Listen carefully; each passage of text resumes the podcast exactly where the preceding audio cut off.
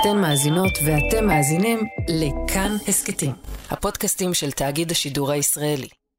כבר מאה ימים שישראל במלחמה. מהקשות שידענו. וכמעט בכל אחד מהימים האלה אנחנו נחשפים לגיבורים ולגיבורות שהסיפורים שלהם לא נתפסים.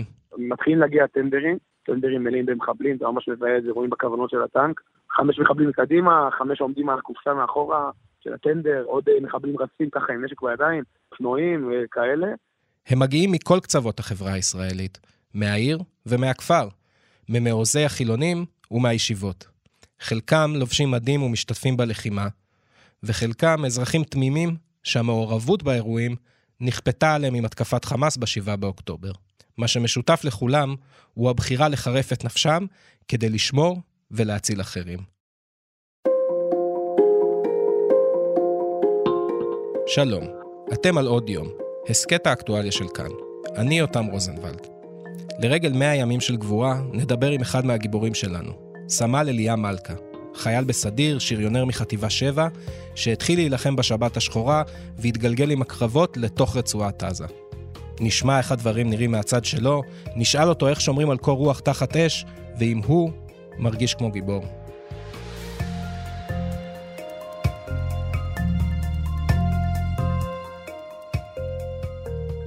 אליה מלכה, שלום. שלום יותר, מה נשמע? אה, בסדר, איך אתה, איך אצלכם, איך בשטח? בסדר גמור, מצוין אפילו. אתה שריונר, אתה מחטיבה 7, וכבר נכון, בבוקר של השביעי באוקטובר, בעצם כבר התחלת להילחם. נכון, כן. אה, הגדוד שלי תפס, גדוד 77, תפסנו את אה, קו עזה. פלוגה שלי, פלוגת וולקן, היינו בחטיבה דרומית, והפלוגה השנייה בגדוד הייתה בחטיבה צפונית. אני הייתי במוצב סופה ב-7 באוקטובר, סגרתי שבת, והכל התחיל בערך בשעה שש וחצי בבוקר, אם אני לא טועה, משהו כזה. מה, מה בעצם קורה שאתם מבינים שזה מתחיל? אה, אנחנו הבנו שזה כאילו באמת שיטה ממש, כאילו מחבלים כאלה, רק כשהגענו לגדר. כשתמיד, הרי כשאתה נמצא בקו עזה, תמיד יש את התרחיש שיהיה רקטות. אה, אני גם גר מהדרום, ואני גם יודע מה זה רקטות והכל, וכולנו מכירים את הסיפור הזה, ויודעים מה עושים כשיש רקטות.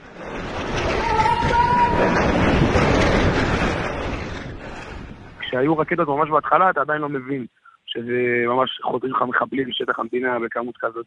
אז בעצם אתם קודם כל רואים רקטות, ש...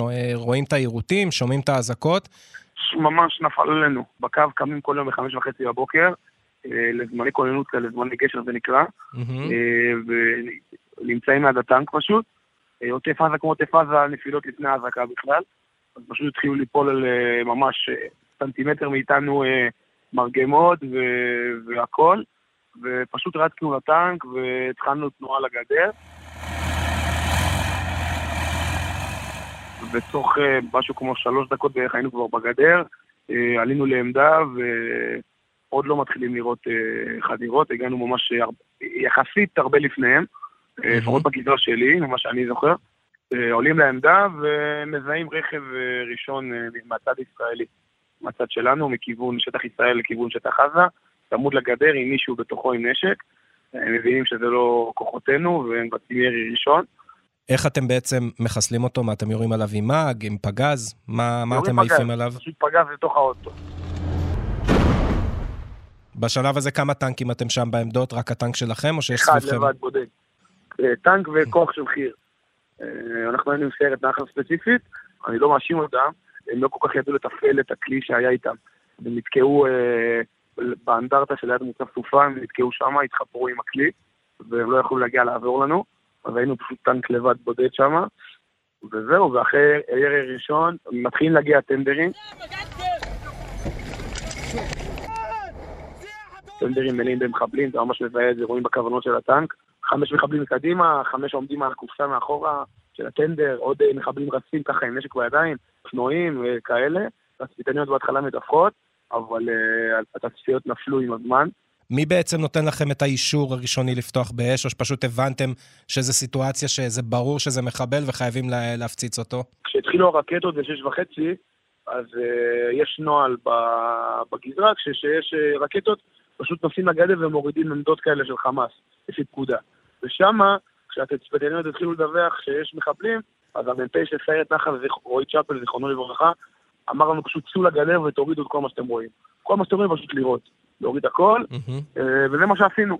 אני הטען בטנק, אתה פשוט טוען פגז אחרי פגז אחרי פגז אחרי פגז בלי הפסקה, וכל פגז, אה, ברוך השם פוגע. ניסינו יותר להתמקד בטנדרים, כי הבנו ששם יש מסה, מסה יותר רצינית בטנדרים, אה, שזה עשר אנשים לפחות על כל טנדר, משהו כזה, אז עדיף להתמקד בהם מאשר באופנוע של שתי אנשים או חוליה של ארבעה אנשים.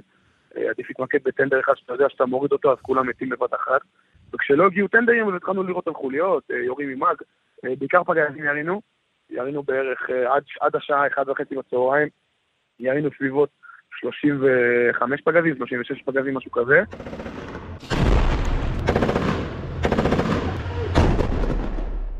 זה פעם ראשונה בשירות הצבאי שלך, בחיים שלך, שאתה יורה פגזים על מטרות חיות, מטרות אמת? כן.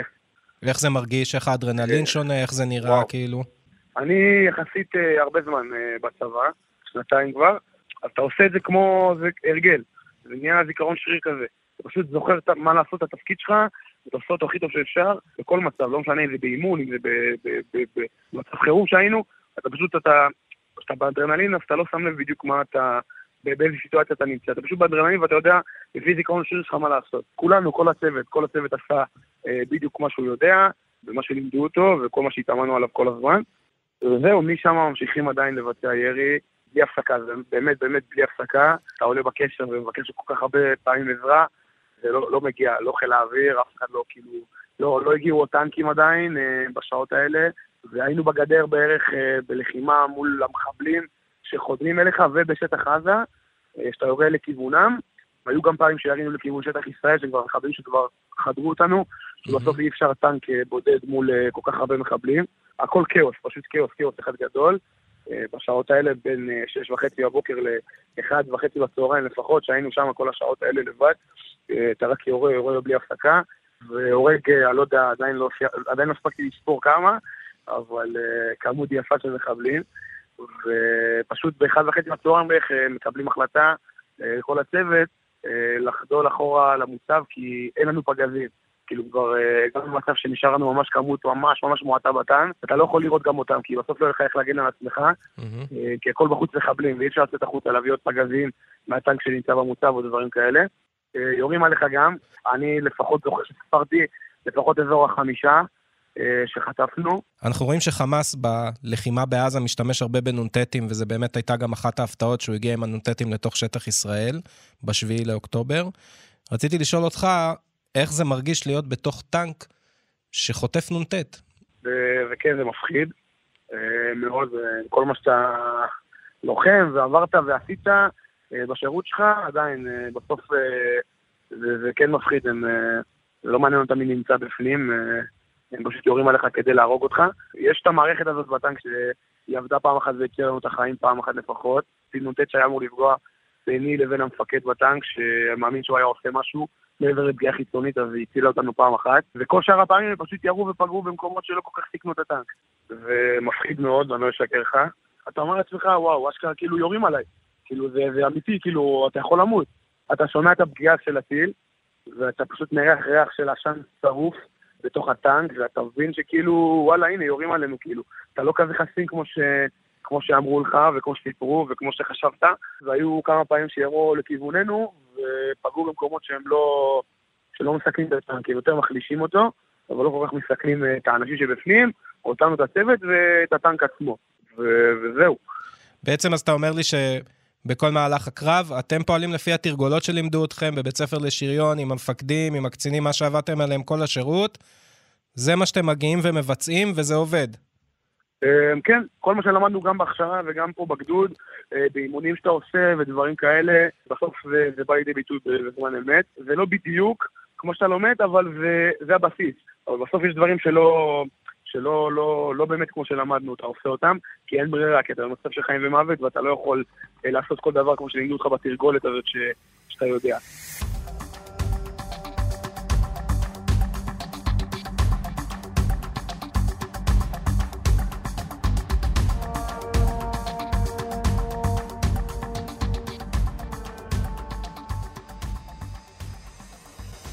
תראה, אני הייתי חייל קרבי, אבל לא יצא לי להיות בסיטואציה של לחימה שיורים עליי ואני צריך לירות על מטרות חיות. איך שומרים על קור רוח תחת אש? כשיורים עליך, כשאתה שומע את הפגיעות של הכדורים ושל הנ"טים בטנק, איך מצליחים לתפקד, ואתה יודע, לתפקד בצורה טובה גם? אני זוכר על עצמי באותו יום, שאתה פשוט... אה, צריך לזכור ש... שאתה פשוט, אתה מגן על היישובים האלה שנמצאים שם. אנחנו הגענו ספציפית על סופה, ניר יצחק וחולית, ואתה פשוט חושב על זה כל הזמן, יש פה אנשים שצריך להגן עליהם, ולשמור עליהם, זה התפקיד שלי, בשביל זה אני פה. ופשוט אתה צריך לקחת נשימה עם עצמך, וזה מה שפחות מה שאני עשיתי, שבפגיעות של הנ"ט בטנק, אתה פשוט שנייה עובר לך כל החיים על העיניים, אתה פשוט לוקח שנייה נשימה עם עצמך ואומר, בוא תעשה את התפקיד שלך כמו שצריך, כי בשביל זה התגייסת, ויש פה כמה וכמה יישובים מאחוריך שאתה חייב להגן עליהם, ואם אתה לא תעשה את זה כמו שצריך, אז יהיו פה הרבה הרוגים. ואחרי זה גם הבנו שכל הצמד ביחד אה, חשב על זה פשוט כל אחד לעצמו, ולא דיברנו על זה כל כך כי לא יכולנו, כי היינו באמצע קרב, אבל אה, זה פשוט לקחת שנייה נשימה עם עצמך ו, ובאמת להיזכר בלמה אתה פה, ולמה אתה עושה את זה, ועל מי אתה מגן, והמשפחות שלכם שבבית, וכולנו, שעליהם גם, גם אתה מגן. ו- וזהו, אני חושב, לדעתי לפחות, בזכות זה נשארנו נורמליים בקרב, והצלחנו לתפקד. אוקיי, okay, אז התחמושת שלכם באמת הולכת להיגמר, וכמו שאתה אומר, כבר כמעט אחת, שתיים בצהריים, ואתם נלחמים כבר איזה שש או שבע שעות, וברגע הזה אתם מחליטים לדלג אחורה אל המוצב בחזרה. אה, מה בעצם קורה שם? בזמן שקיבלנו החלטה לחדול למוצב חזרה, בדרך למוצב אנחנו גם מזהים אה, מחבלים שמסתתרים בכל מיני שדות של מנגויים שהיו את הקיבוצים, או עצים שנמצאים שם ומחסלים גם אותם. ממשיכים למוצב, מגיעים למוצב עצמו. פשוט רואים כאוס מסביב למוצב, ורואים מלא אופנועים שהגיעו למוצב של מחבלים, טנדר אחד לפחות, ומחבלים שמנהלים איתנו קרב. קרב לא כל כך הוגן, כי הם פשוט יורים עלינו עם, אה, אה, עם, עם, עם קלצ'ניקובים ואנחנו עם טנק מולם. אז חיסלנו גם די מהר, פשוט המשכנו אה, לעשות אה, סיבובים מסביב למוצב ולחפש עוד מחבלים, כי דיווחו לנו בקשר שפשוט אה, כל המחבלים נמצאים בתוך המוצב. ומנהלים קרב עם החבר'ה של סיירת נחל, שהם בתוך המוצב עצמו. מולנו יש חדר אוכל, שאתה יודע בקשר ש... שבתוכו יש אה, חבר'ה, חברים שלך ואנשים במוצב שהם מוחזקים כרגע כבני ערובה אה, בתוך המוצב, ואתה לא יכול לירות על, עליו כי אתה תהרוג אנשים שהם שלך. אז פשוט המשכנו להסתובב מסביב למוצב ולחפש מחבלים שנמצאים בחוץ. זה מה שעשינו לפחות שעה ומשהו, כמעט שעתיים, mm-hmm. עד שהגיעו החבר'ה של היחידות מיוחדות, באזור השעה שתיים, אני לא טועה, והם יצרו איתנו קשר דרך המערכת של הקשר בטנק. אה, ושלהם. הם התחילו אה, השתתפות על המוצב, ואנחנו היינו ממש בש"ג של המוצב ומחפים אה, עליהם עם התותח מבחוץ, ועם המאג. באיזשהו שלב הם מדווחים לנו שיורים עליהם מאחד ה... אחד המגדלים הגבוהים מלמעלה. אנחנו מזהים את המחבל לבוש במדי צה"ל, ויורים פגז לעברו, ומה זה מוודאים הרגע, אתה רואה את הבן אדם עף באוויר, אתה מבין שהוא מהט בוודאות, ואת המגדל עף. וזהו, אחרי כמעט אה, שעה ומשהו, שעתיים, הם סיימו להשתלט על המוצב, פתאום אנחנו רואים את כל החברים שלנו, אה, אנשים מהמוצב יוצאים, אה, החבר'ה של היחידות מיוחדות מוציאים אותם החוצה, ומבינים שכולם בסדר, כל מי שאנחנו מכירים לפחות. חלק שאתה לא יודע, אז אתה לא יודע, ורק אחרי זה אתה מבין מה קורה. ובערך מהחשיכה, משהו כזה, פשוט המשכנו לעשות פטרולים סביב המוצב, ולחפות על כל מיני כבישים מסוימים שהיו ליד המוצב עצמו, ולחפש מחבלים, פה ושם אתה רואה מחבלים בודדים, אבל לא אותה מסה כמו שאתה רואה בבוקר. זה קצת מצחיק, אבל זה לא כזה מרגש אותך כמו שריגש אותך בבוקר, כי אתה אחרי כל כך מסה ענקית של מחבלים שאתה הורג, אז uh, לראות איזה מחבל שתיים פתאום זה לא כזה מרגש אותך. Uh, ואתה פשוט כאילו, יאללה, הנה עוד אחד. וזה היה האווירה, אבל כאילו הכל, ב... הכל במצב של וואלה, וואו, מהלך פה, מהלך פה, וואו. זה היה הדיבור בטנק, ואנחנו היינו כאילו עם טלפונים ומתקשרים, עם משפחות, חברים מתקשרים, מנסים לחפש אותך, לא מבינים מה קורה איתך, כולם הרי יודעים שאתה נמצא בקו עזה ושומעים מה קורה, ואתה לא יכול לענות לאף אחד כי אתה נמצא באמצע קרב, אז אתה לא זמין, ורק אה, אחרי זה בערב, שנהיה לך פתאום קצת זמן לשבת שנייה, לנג'ור עם עצמך ו... ולהירגע, אז אתה רק עונה לכולם והכל, וזהו מבערך מה... מהערב, מאזור 8-9 בערב, אה, היה די אה, יחסית רגוע, הגיעו הרבה כוחות לאזור, לאזור המוצב ולגזרה שם, ועזרו לנו, אם זה הטנקיסטיות של קרקל, ואם זה כל מיני כוחות אחרים שהיו שם באזור, שהגיעו לקראת הערב. אמ, אבל עד האזור השעה הזאת ועד הצהריים היית לבד פשוט שמה. אני לא מאחל לאף אחד להרגיש את ההרגשה הזאת, זה לא פשוט. תתאר לי את ההרגשה הזאת של אה, הלבד. אתה מרגיש חוסר אונים. פשוט אה, אתה נמצא בנקודה אחת בגדר שחודרים בה מחבלים, ואתה יורה בלי הפסקה, יורה ויורה, ואתה רואה עוד כל כך הרבה נקודות של חדירה של מחבלים בהמשך, שאתה יודע שאם היה איתך עוד טנק אחד לפחות פה, המצב היה שונה לגמרי, או חיל האוויר, או לא יודע מה, לא איזה כוחות יגיעו, לא משנה, העיקר שיבוא מישהו לעזור. וזה די חוסר אונים, כי אתה מתחנן בקשר שיבואו לעזור, המפקד כאילו ממש מבקש שיבואו אה, כוחות לעזור ולא מגיעים, והגיעו רק בשלבים יותר מאוחרים. זה פשוט הרגשה כללית של חוסר אונים. אתה לא יודע מה קורה בתוך הקיבוצים שנמצאים לידך, אבל אתה משער מה קורה, ואתה פשוט רואה מחבלים נכנסים לשטח הארץ ככה, בלי, אף אחד לא מפריע להם, פשוט רצים ונוסעים לתוך שטח הארץ, פשוט חוסר אונים אחד גדול. זה, זה בערך ההרגשה. אתם משם מתחילים להתכונן לכניסה לעזה, או שעדיין לא ידעתם שנכנסים לעזה? איך זה עבד? אה, עוד לא. אה, מבערך, ממוצאי שבת עד יום אה, שני, משהו כזה, היינו עדיין באזור אה, ניצב סופה שם. עדיין יש, רואים, מזהים עדיין פה ושם מחבלים שנמצאים לאדם מוצב, דברים כאלה. אה, מכסים פה מחבל, מחבל שם. אה, ובערך עד יום שני היינו שם עד, שהתח... עד שהתחילו להגיע כוחות של מילואים וכוחות של עוד גדודים סדירים אה, שהגיעו לאזור ואז החליפו אותנו. אה, ובאזור יום שני, שלישי, משהו כזה, התאחדנו כל הפלוגה אה, באזור קיבוץ מגן, ומתחילים להבין מה קורה, מה קורה במדינה, מה קרה, מי פה, מי שמה. אתה כאילו, אתה יושב עם עצמך ועם הצוות ועם הפלוגה, ואשכרה אומרים, וואלה, עשינו פה משהו ש... משהו לא נורמלי, כאילו, זה טנק אחד על כל, על כל כמה קווי דיווח, והצלנו חיים של כל כך הרבה אנשים, לדעתי. אתה מרגיש שאם לא הייתם עושים את מה שאתם עושים, המספר הרוגים היה יכול להיות הרבה יותר גבוה? ואני אומר את זה בכוונה כי חד... המספר הרוגים הוא כבר גבוה. כן, חד משמעית, כן, אם לא היינו פועלים איך שפעלנו, המספר הרוגים היה, היה ממש ממש הרבה יותר גדול. כל הפלוגה, אה, לאו דווקא הטנק שלנו, שהיינו בגזרה הספציפית של סופה, כי פשוט אה, טנקים פה עשו משימה של, אה, של מחלקות שלמות. לא משימה של טנק בודד, כאילו חיסלנו כמות מחבלים לא הגיונית לטנק אחד בשעות לא הגיוניות, ותשמע, בתור טען לטעון כמעט 40 פגזים בשש שעות זה לא משהו שהוא, אה, לא משהו שאתה חושב עליו, מתאמנים על זה בשירות, אבל אתה לא אומר, אה, מתי יצא לעשות דבר כזה בכלל, כאילו מי, מי חושב, על, אף אחד לא מדמיין דבר כזה לעשות בשירות שלו, ושמחה מעולה בעצם, שכאילו יצא את זה כל כך הרבה אנשים, אבל uh, מצד שני עדיין נהרגו לנו המון המון חברים. והמון אנשים במקום ששמרת עליו. לא עשית את המשימה שלך 100%, אבל, אה, אבל כן עשית אותה על הצד הטוב ביותר שלך לפחות, שזהו, זה השמחה מולה בעצם. ומתי בעצם אתם נכנסים לעזה? אחרי שבועיים, שלושה שבועות לפחות של התארגנות, עבודה על הטנקים, אה, התרעננות של, ה, של החבר'ה, של כל הפלוגה, שנייה לצאת מה, מהיום הזה שהיה אותה שבת ולהבין מה קורה במדינה ולנוח כמו שצריך. בערך שלושה שבועות היינו בשטחי כינוס, ומשם נכנסנו אה, לעזה, ואנחנו, החטיבה שלנו, חטיבה שלנו, פתחנו את כל, ה, את כל המשימות הכי גדולות שאתה, שאתה יכול לחשוב, אם זה הכניסה, אם זה הבית חולים בשיפא, אם זה הכל, כאילו, כל דבר שאני זוכר לפחות, אה, ואנחנו, אז החטיבה עשתה הכל. היינו חודש בעזה. אה, ויצאנו להתפעננות. חודש שלם שאתם בפנים, ישנים בטנק, אוכלים בטנק, נלחמים בטנק, כל היום זה רק הטנק, נכון? נכון, זה הבית שלך.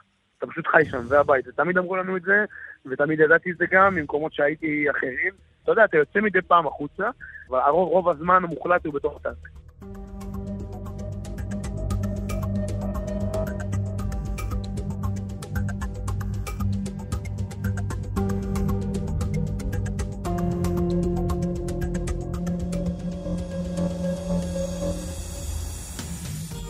לכל מי שלא נמצא בתוך רצועת עזה ולא משתתף במאמץ המלחמתי, מה אתה יכול לספר לנו בעצם על השהות ברצועת עזה ועל המלחמה עצמה, הלחימה שאתם מנהלים? זה לא אותו דבר בכלל כמו שהיה ב-7 באוקטובר, שזה היה הישרדות פשוט וחיים ומוות. שם אתה פשוט מגיע כל כך הרבה כוחות שלנו נגד אה, אה, ארגון אה, טרור קטן אה, שנמצא שם, יש הרבה כוחות ואתה מרגיש ממש ביטחון להיכנס לשם. במיוחד בתור מישהו שהיה לבד באותו יום בקרב, אז אתה מרגיש כל יותר ביטחון להילחם, שאתה רואה שיש לצדך עוד גדוד שלם של טנקים, וחטיבה שלמה של טנקים, ו-D9ים ונמרים ומה לא נמצא שם, וחיל האוויר מלמעלה ותותחנים ומרגימות, וכן, ווואלה זה ביטחון. כי זה עושה דברים שהם מאוד חשובים. בסוף אה, כל מי שמתגייס להיות לוחם לדעתי, אה, יודע שיכול להיות שבשירות שלו זה יקרה. וכן, בסוף בשביל זה התגייסנו, בשביל, ה... בשביל להיכנס למלחמה כזאת ולהגן על המדינה שלך ועל העם שלך ו... ועל הכל. לפחות לי החודש שהיה בעזה היה מאוד, מאוד מספק ומאוד, ומאוד עם ביטחון ומאוד חוויות. שמע, סך הכל זה חוויה, כאילו... לקחתי את זה ככה וזה עובר בהרבה יותר טוב. מה עם רגעי הפחד? מה עם, ה... בכל זאת, אתה מדבר על להיכנס לעזה, המעוז של החמאס, המבצר שלהם שהם מבוצרים שם, ופירים, ואתה יודע, מוקשים שהם שמים על הטנקים ונוטטים, ואתה מספר כאילו, אני מבסוט ועבר לי כחוויה, ואיפה הפחד, איפה הרגעים האלה של, אתה יודע, בואנה, אני הולך לעשות משהו מאוד מאוד מסוכן. הפחד הכי גדול זה באותו יום שאתה נכנס, זה כמו שאתה נכנס למים ממש ממש קרים. אם אתה לא עושה את זה בבת אחת, זה פשוט לא יקרה. אתה פשוט נכנס ואתה אומר, וואלה, הנה, נכנסתי לעזה, יש חששות, יש זה, אתה... כל סיפורים שאתה שומע וכל מיני דברים, אנשים שהיו בצוק איתן ודברים כאלה, אה, ויש פחד ברור. בהתחלה, ממש בשבוע הראשון, יש פחד די גדול, כי אתה לא מבין עדיין מי נגד מי ומה קורה פה. אה, ועם הזמן, שאתה באמת, כמו שאמרתי, שאתה רואה את הכוחות, ואתה רואה את המספר כוחות שנמצא איתך, אה, ואת הדברים שאתה עושה, אז נהיה לך ביטחון, זה תחושה טובה, ווואלה, הנה, אני כאילו, אתה עושה משהו שנותן לך הרגשה מאוד מאוד טובה ומספקת. תחושת ביטחון עצומה בצבא שלנו, בהכל. נגיד היינו מדברים לא היום, אלא לפני 100 או 101 ימים, לפני שהמלחמה התחילה. היית יכול לדמיין את כל הדברים שראית ועברת מאז? אה, לא. לא, לא דמיינו לשנייה את, ה, את מה שקרה באותו יום. תמיד ידענו שיכול לקרות משהו. אבל uh, לא חשבנו בצורה כזאת בכלל. תגיד לי, אתה אישית מרגיש כמו גיבור? וואלה לא, אני התגייסתי בשביל זה. וזו הייתה בסוף המטרה שלי להתגייס להיות לוחם. אצלי במכינה, אני נמצא במכינת בית אל, ואצלנו מדברים על זה תמיד, על להציל חיי אדם, וכל נפש אחת מישראל כאילו הציל עולם מלא, ו... וזה תמיד אצלך בראש, ויושב אצלך, ובשביל זה התגייסתי להיות לוחם.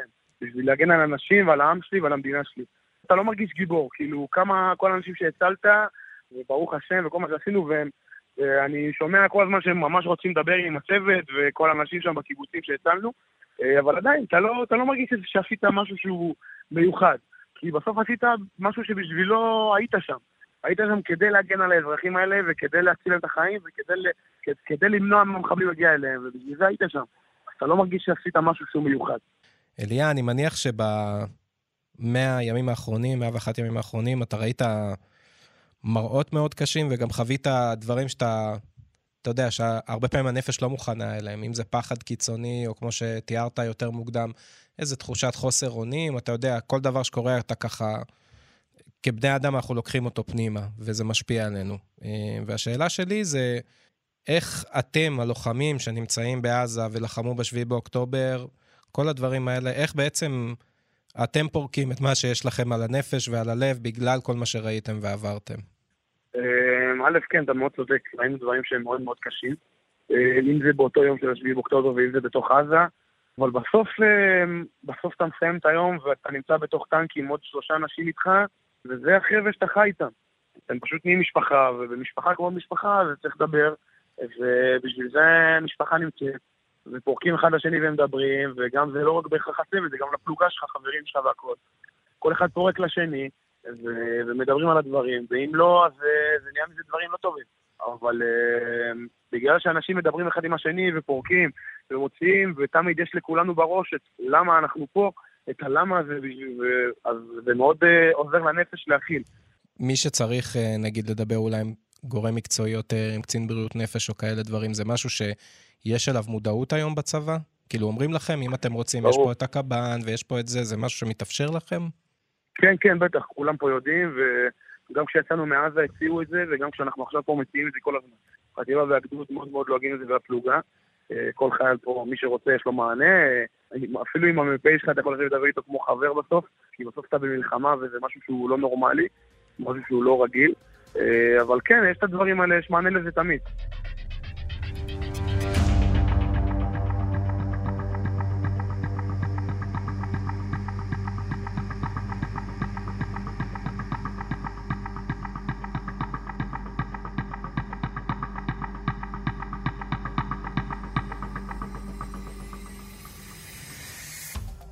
אליה מלכה, אה, כדי שהמאזינים והמאזינות ככה יכירו אותך קצת יותר, מאיפה אתה מגיע בארץ? אה, אני גר במושב תפרח שבנגב, ממש ליד באר שבע, בין באר שבע לאופקים. אז אתה ממש אמרת על הבית, אמרת ליד אופקים, באופקים היו מחבלים. נכון, צודק. זה אמיתי, כן, לא מצחיק. כאילו, באמת שמרת על הבית, נכון, נכון? נכון. בזמן שאני בקרב עצמו, אה, מנהל לחימה, לא, לא, לא ידעתי שום דבר על זה. אופקים נמצאת אה, 35 קילומטר כמעט מהרצועה. אתה לא מדמיין שבכלל יגיעו לאזור הזה מחבלים. יש לי שם משפחה, חברים, סבא וסבתא שלי גרים שם, אתה לא מדמיין לרגע שנייה שאפילו יגיעו מחבלים למרחק כזה כל כך. ורק במוצאי שבת של אותו יום, אה, בלילה, כשהיה שנייה זמן אתנחתא כזאת מהקרב, שנייה לפתוח טלפונים, לדבר עם המשפחה והחברים, הבנתי שקרה משהו די אה, רציני באופקים, ולצערי אה, נהרגו לי שתי שלושה חברים שם בעיר, זכרונם לברכה, גיבורים, הצילו חיי אדם שם, אה, אבל אתה לא, אתה לא, אתה לא, לא מדמיין לשנייה אפילו שיכול לקרות דבר כזה, למרחק כזה, לא. לקראת סיום, אליה, אה, אתה נמצא כבר 100 ימים בלחימה, אה, ויש אנשים שנמצאים כבר 100 ימים בשבי חמאס.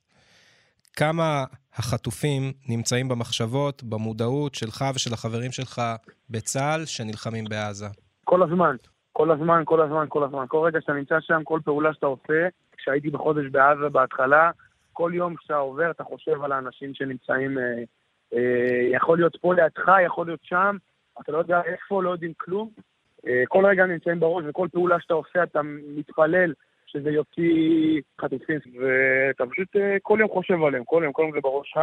גם עכשיו כשאני אה, סרסף של הפלוגה, אה, מבחוץ, ואני לא בתוך הלחימה, זה עדיין בתוך הראש שלך, ואתה דואג לפלוגה שלך מבחוץ, ואתה דואג בשביל שהם ידאגו להציל אותם. זה כאילו, זה שרשרת כזאת, כל אחד נותן כדי שהשני יעשה משהו יותר טוב כדי להגיע לחטופים. בסוף זאת המטרה שלנו, בשביל זה אנחנו פה, כדי שהם יצאו משם בעזרת השם בקרוב.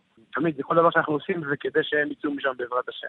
אליה, במלחמה הזאת אנחנו רואים פעם ראשונה שילוב של אה, טנקיסטיות, לוחמות, שפוגעות במחבלים והורגות מחבלים.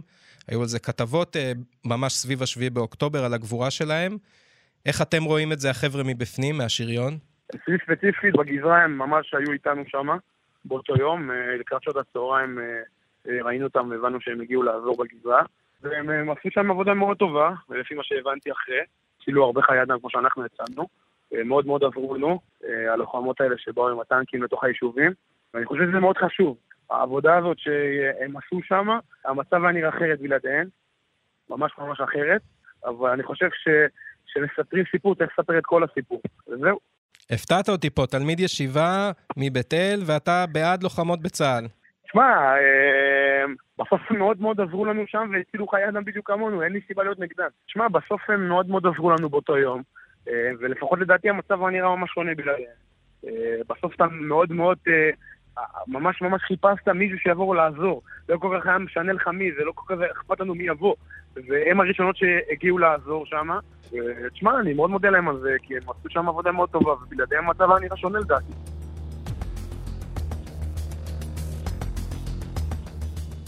אליה מלכה, אני רוצה לאחל לך ובעצם לכל, לכל חיילי צה"ל, שתהיו בריאים ותשמרו על עצמכם ותמשיכו לשמור עלינו, ושיעלה בידכם להחזיר את כל החטופים הביתה. אה, ומה עוד אפשר לאחל לכם? הצלחה, רק הצלחה, הצלחה ובריאות, זהו, זה מה שאנחנו צריכים פה. אליה מלכה, תודה רבה. תודה רבה רבה יותר.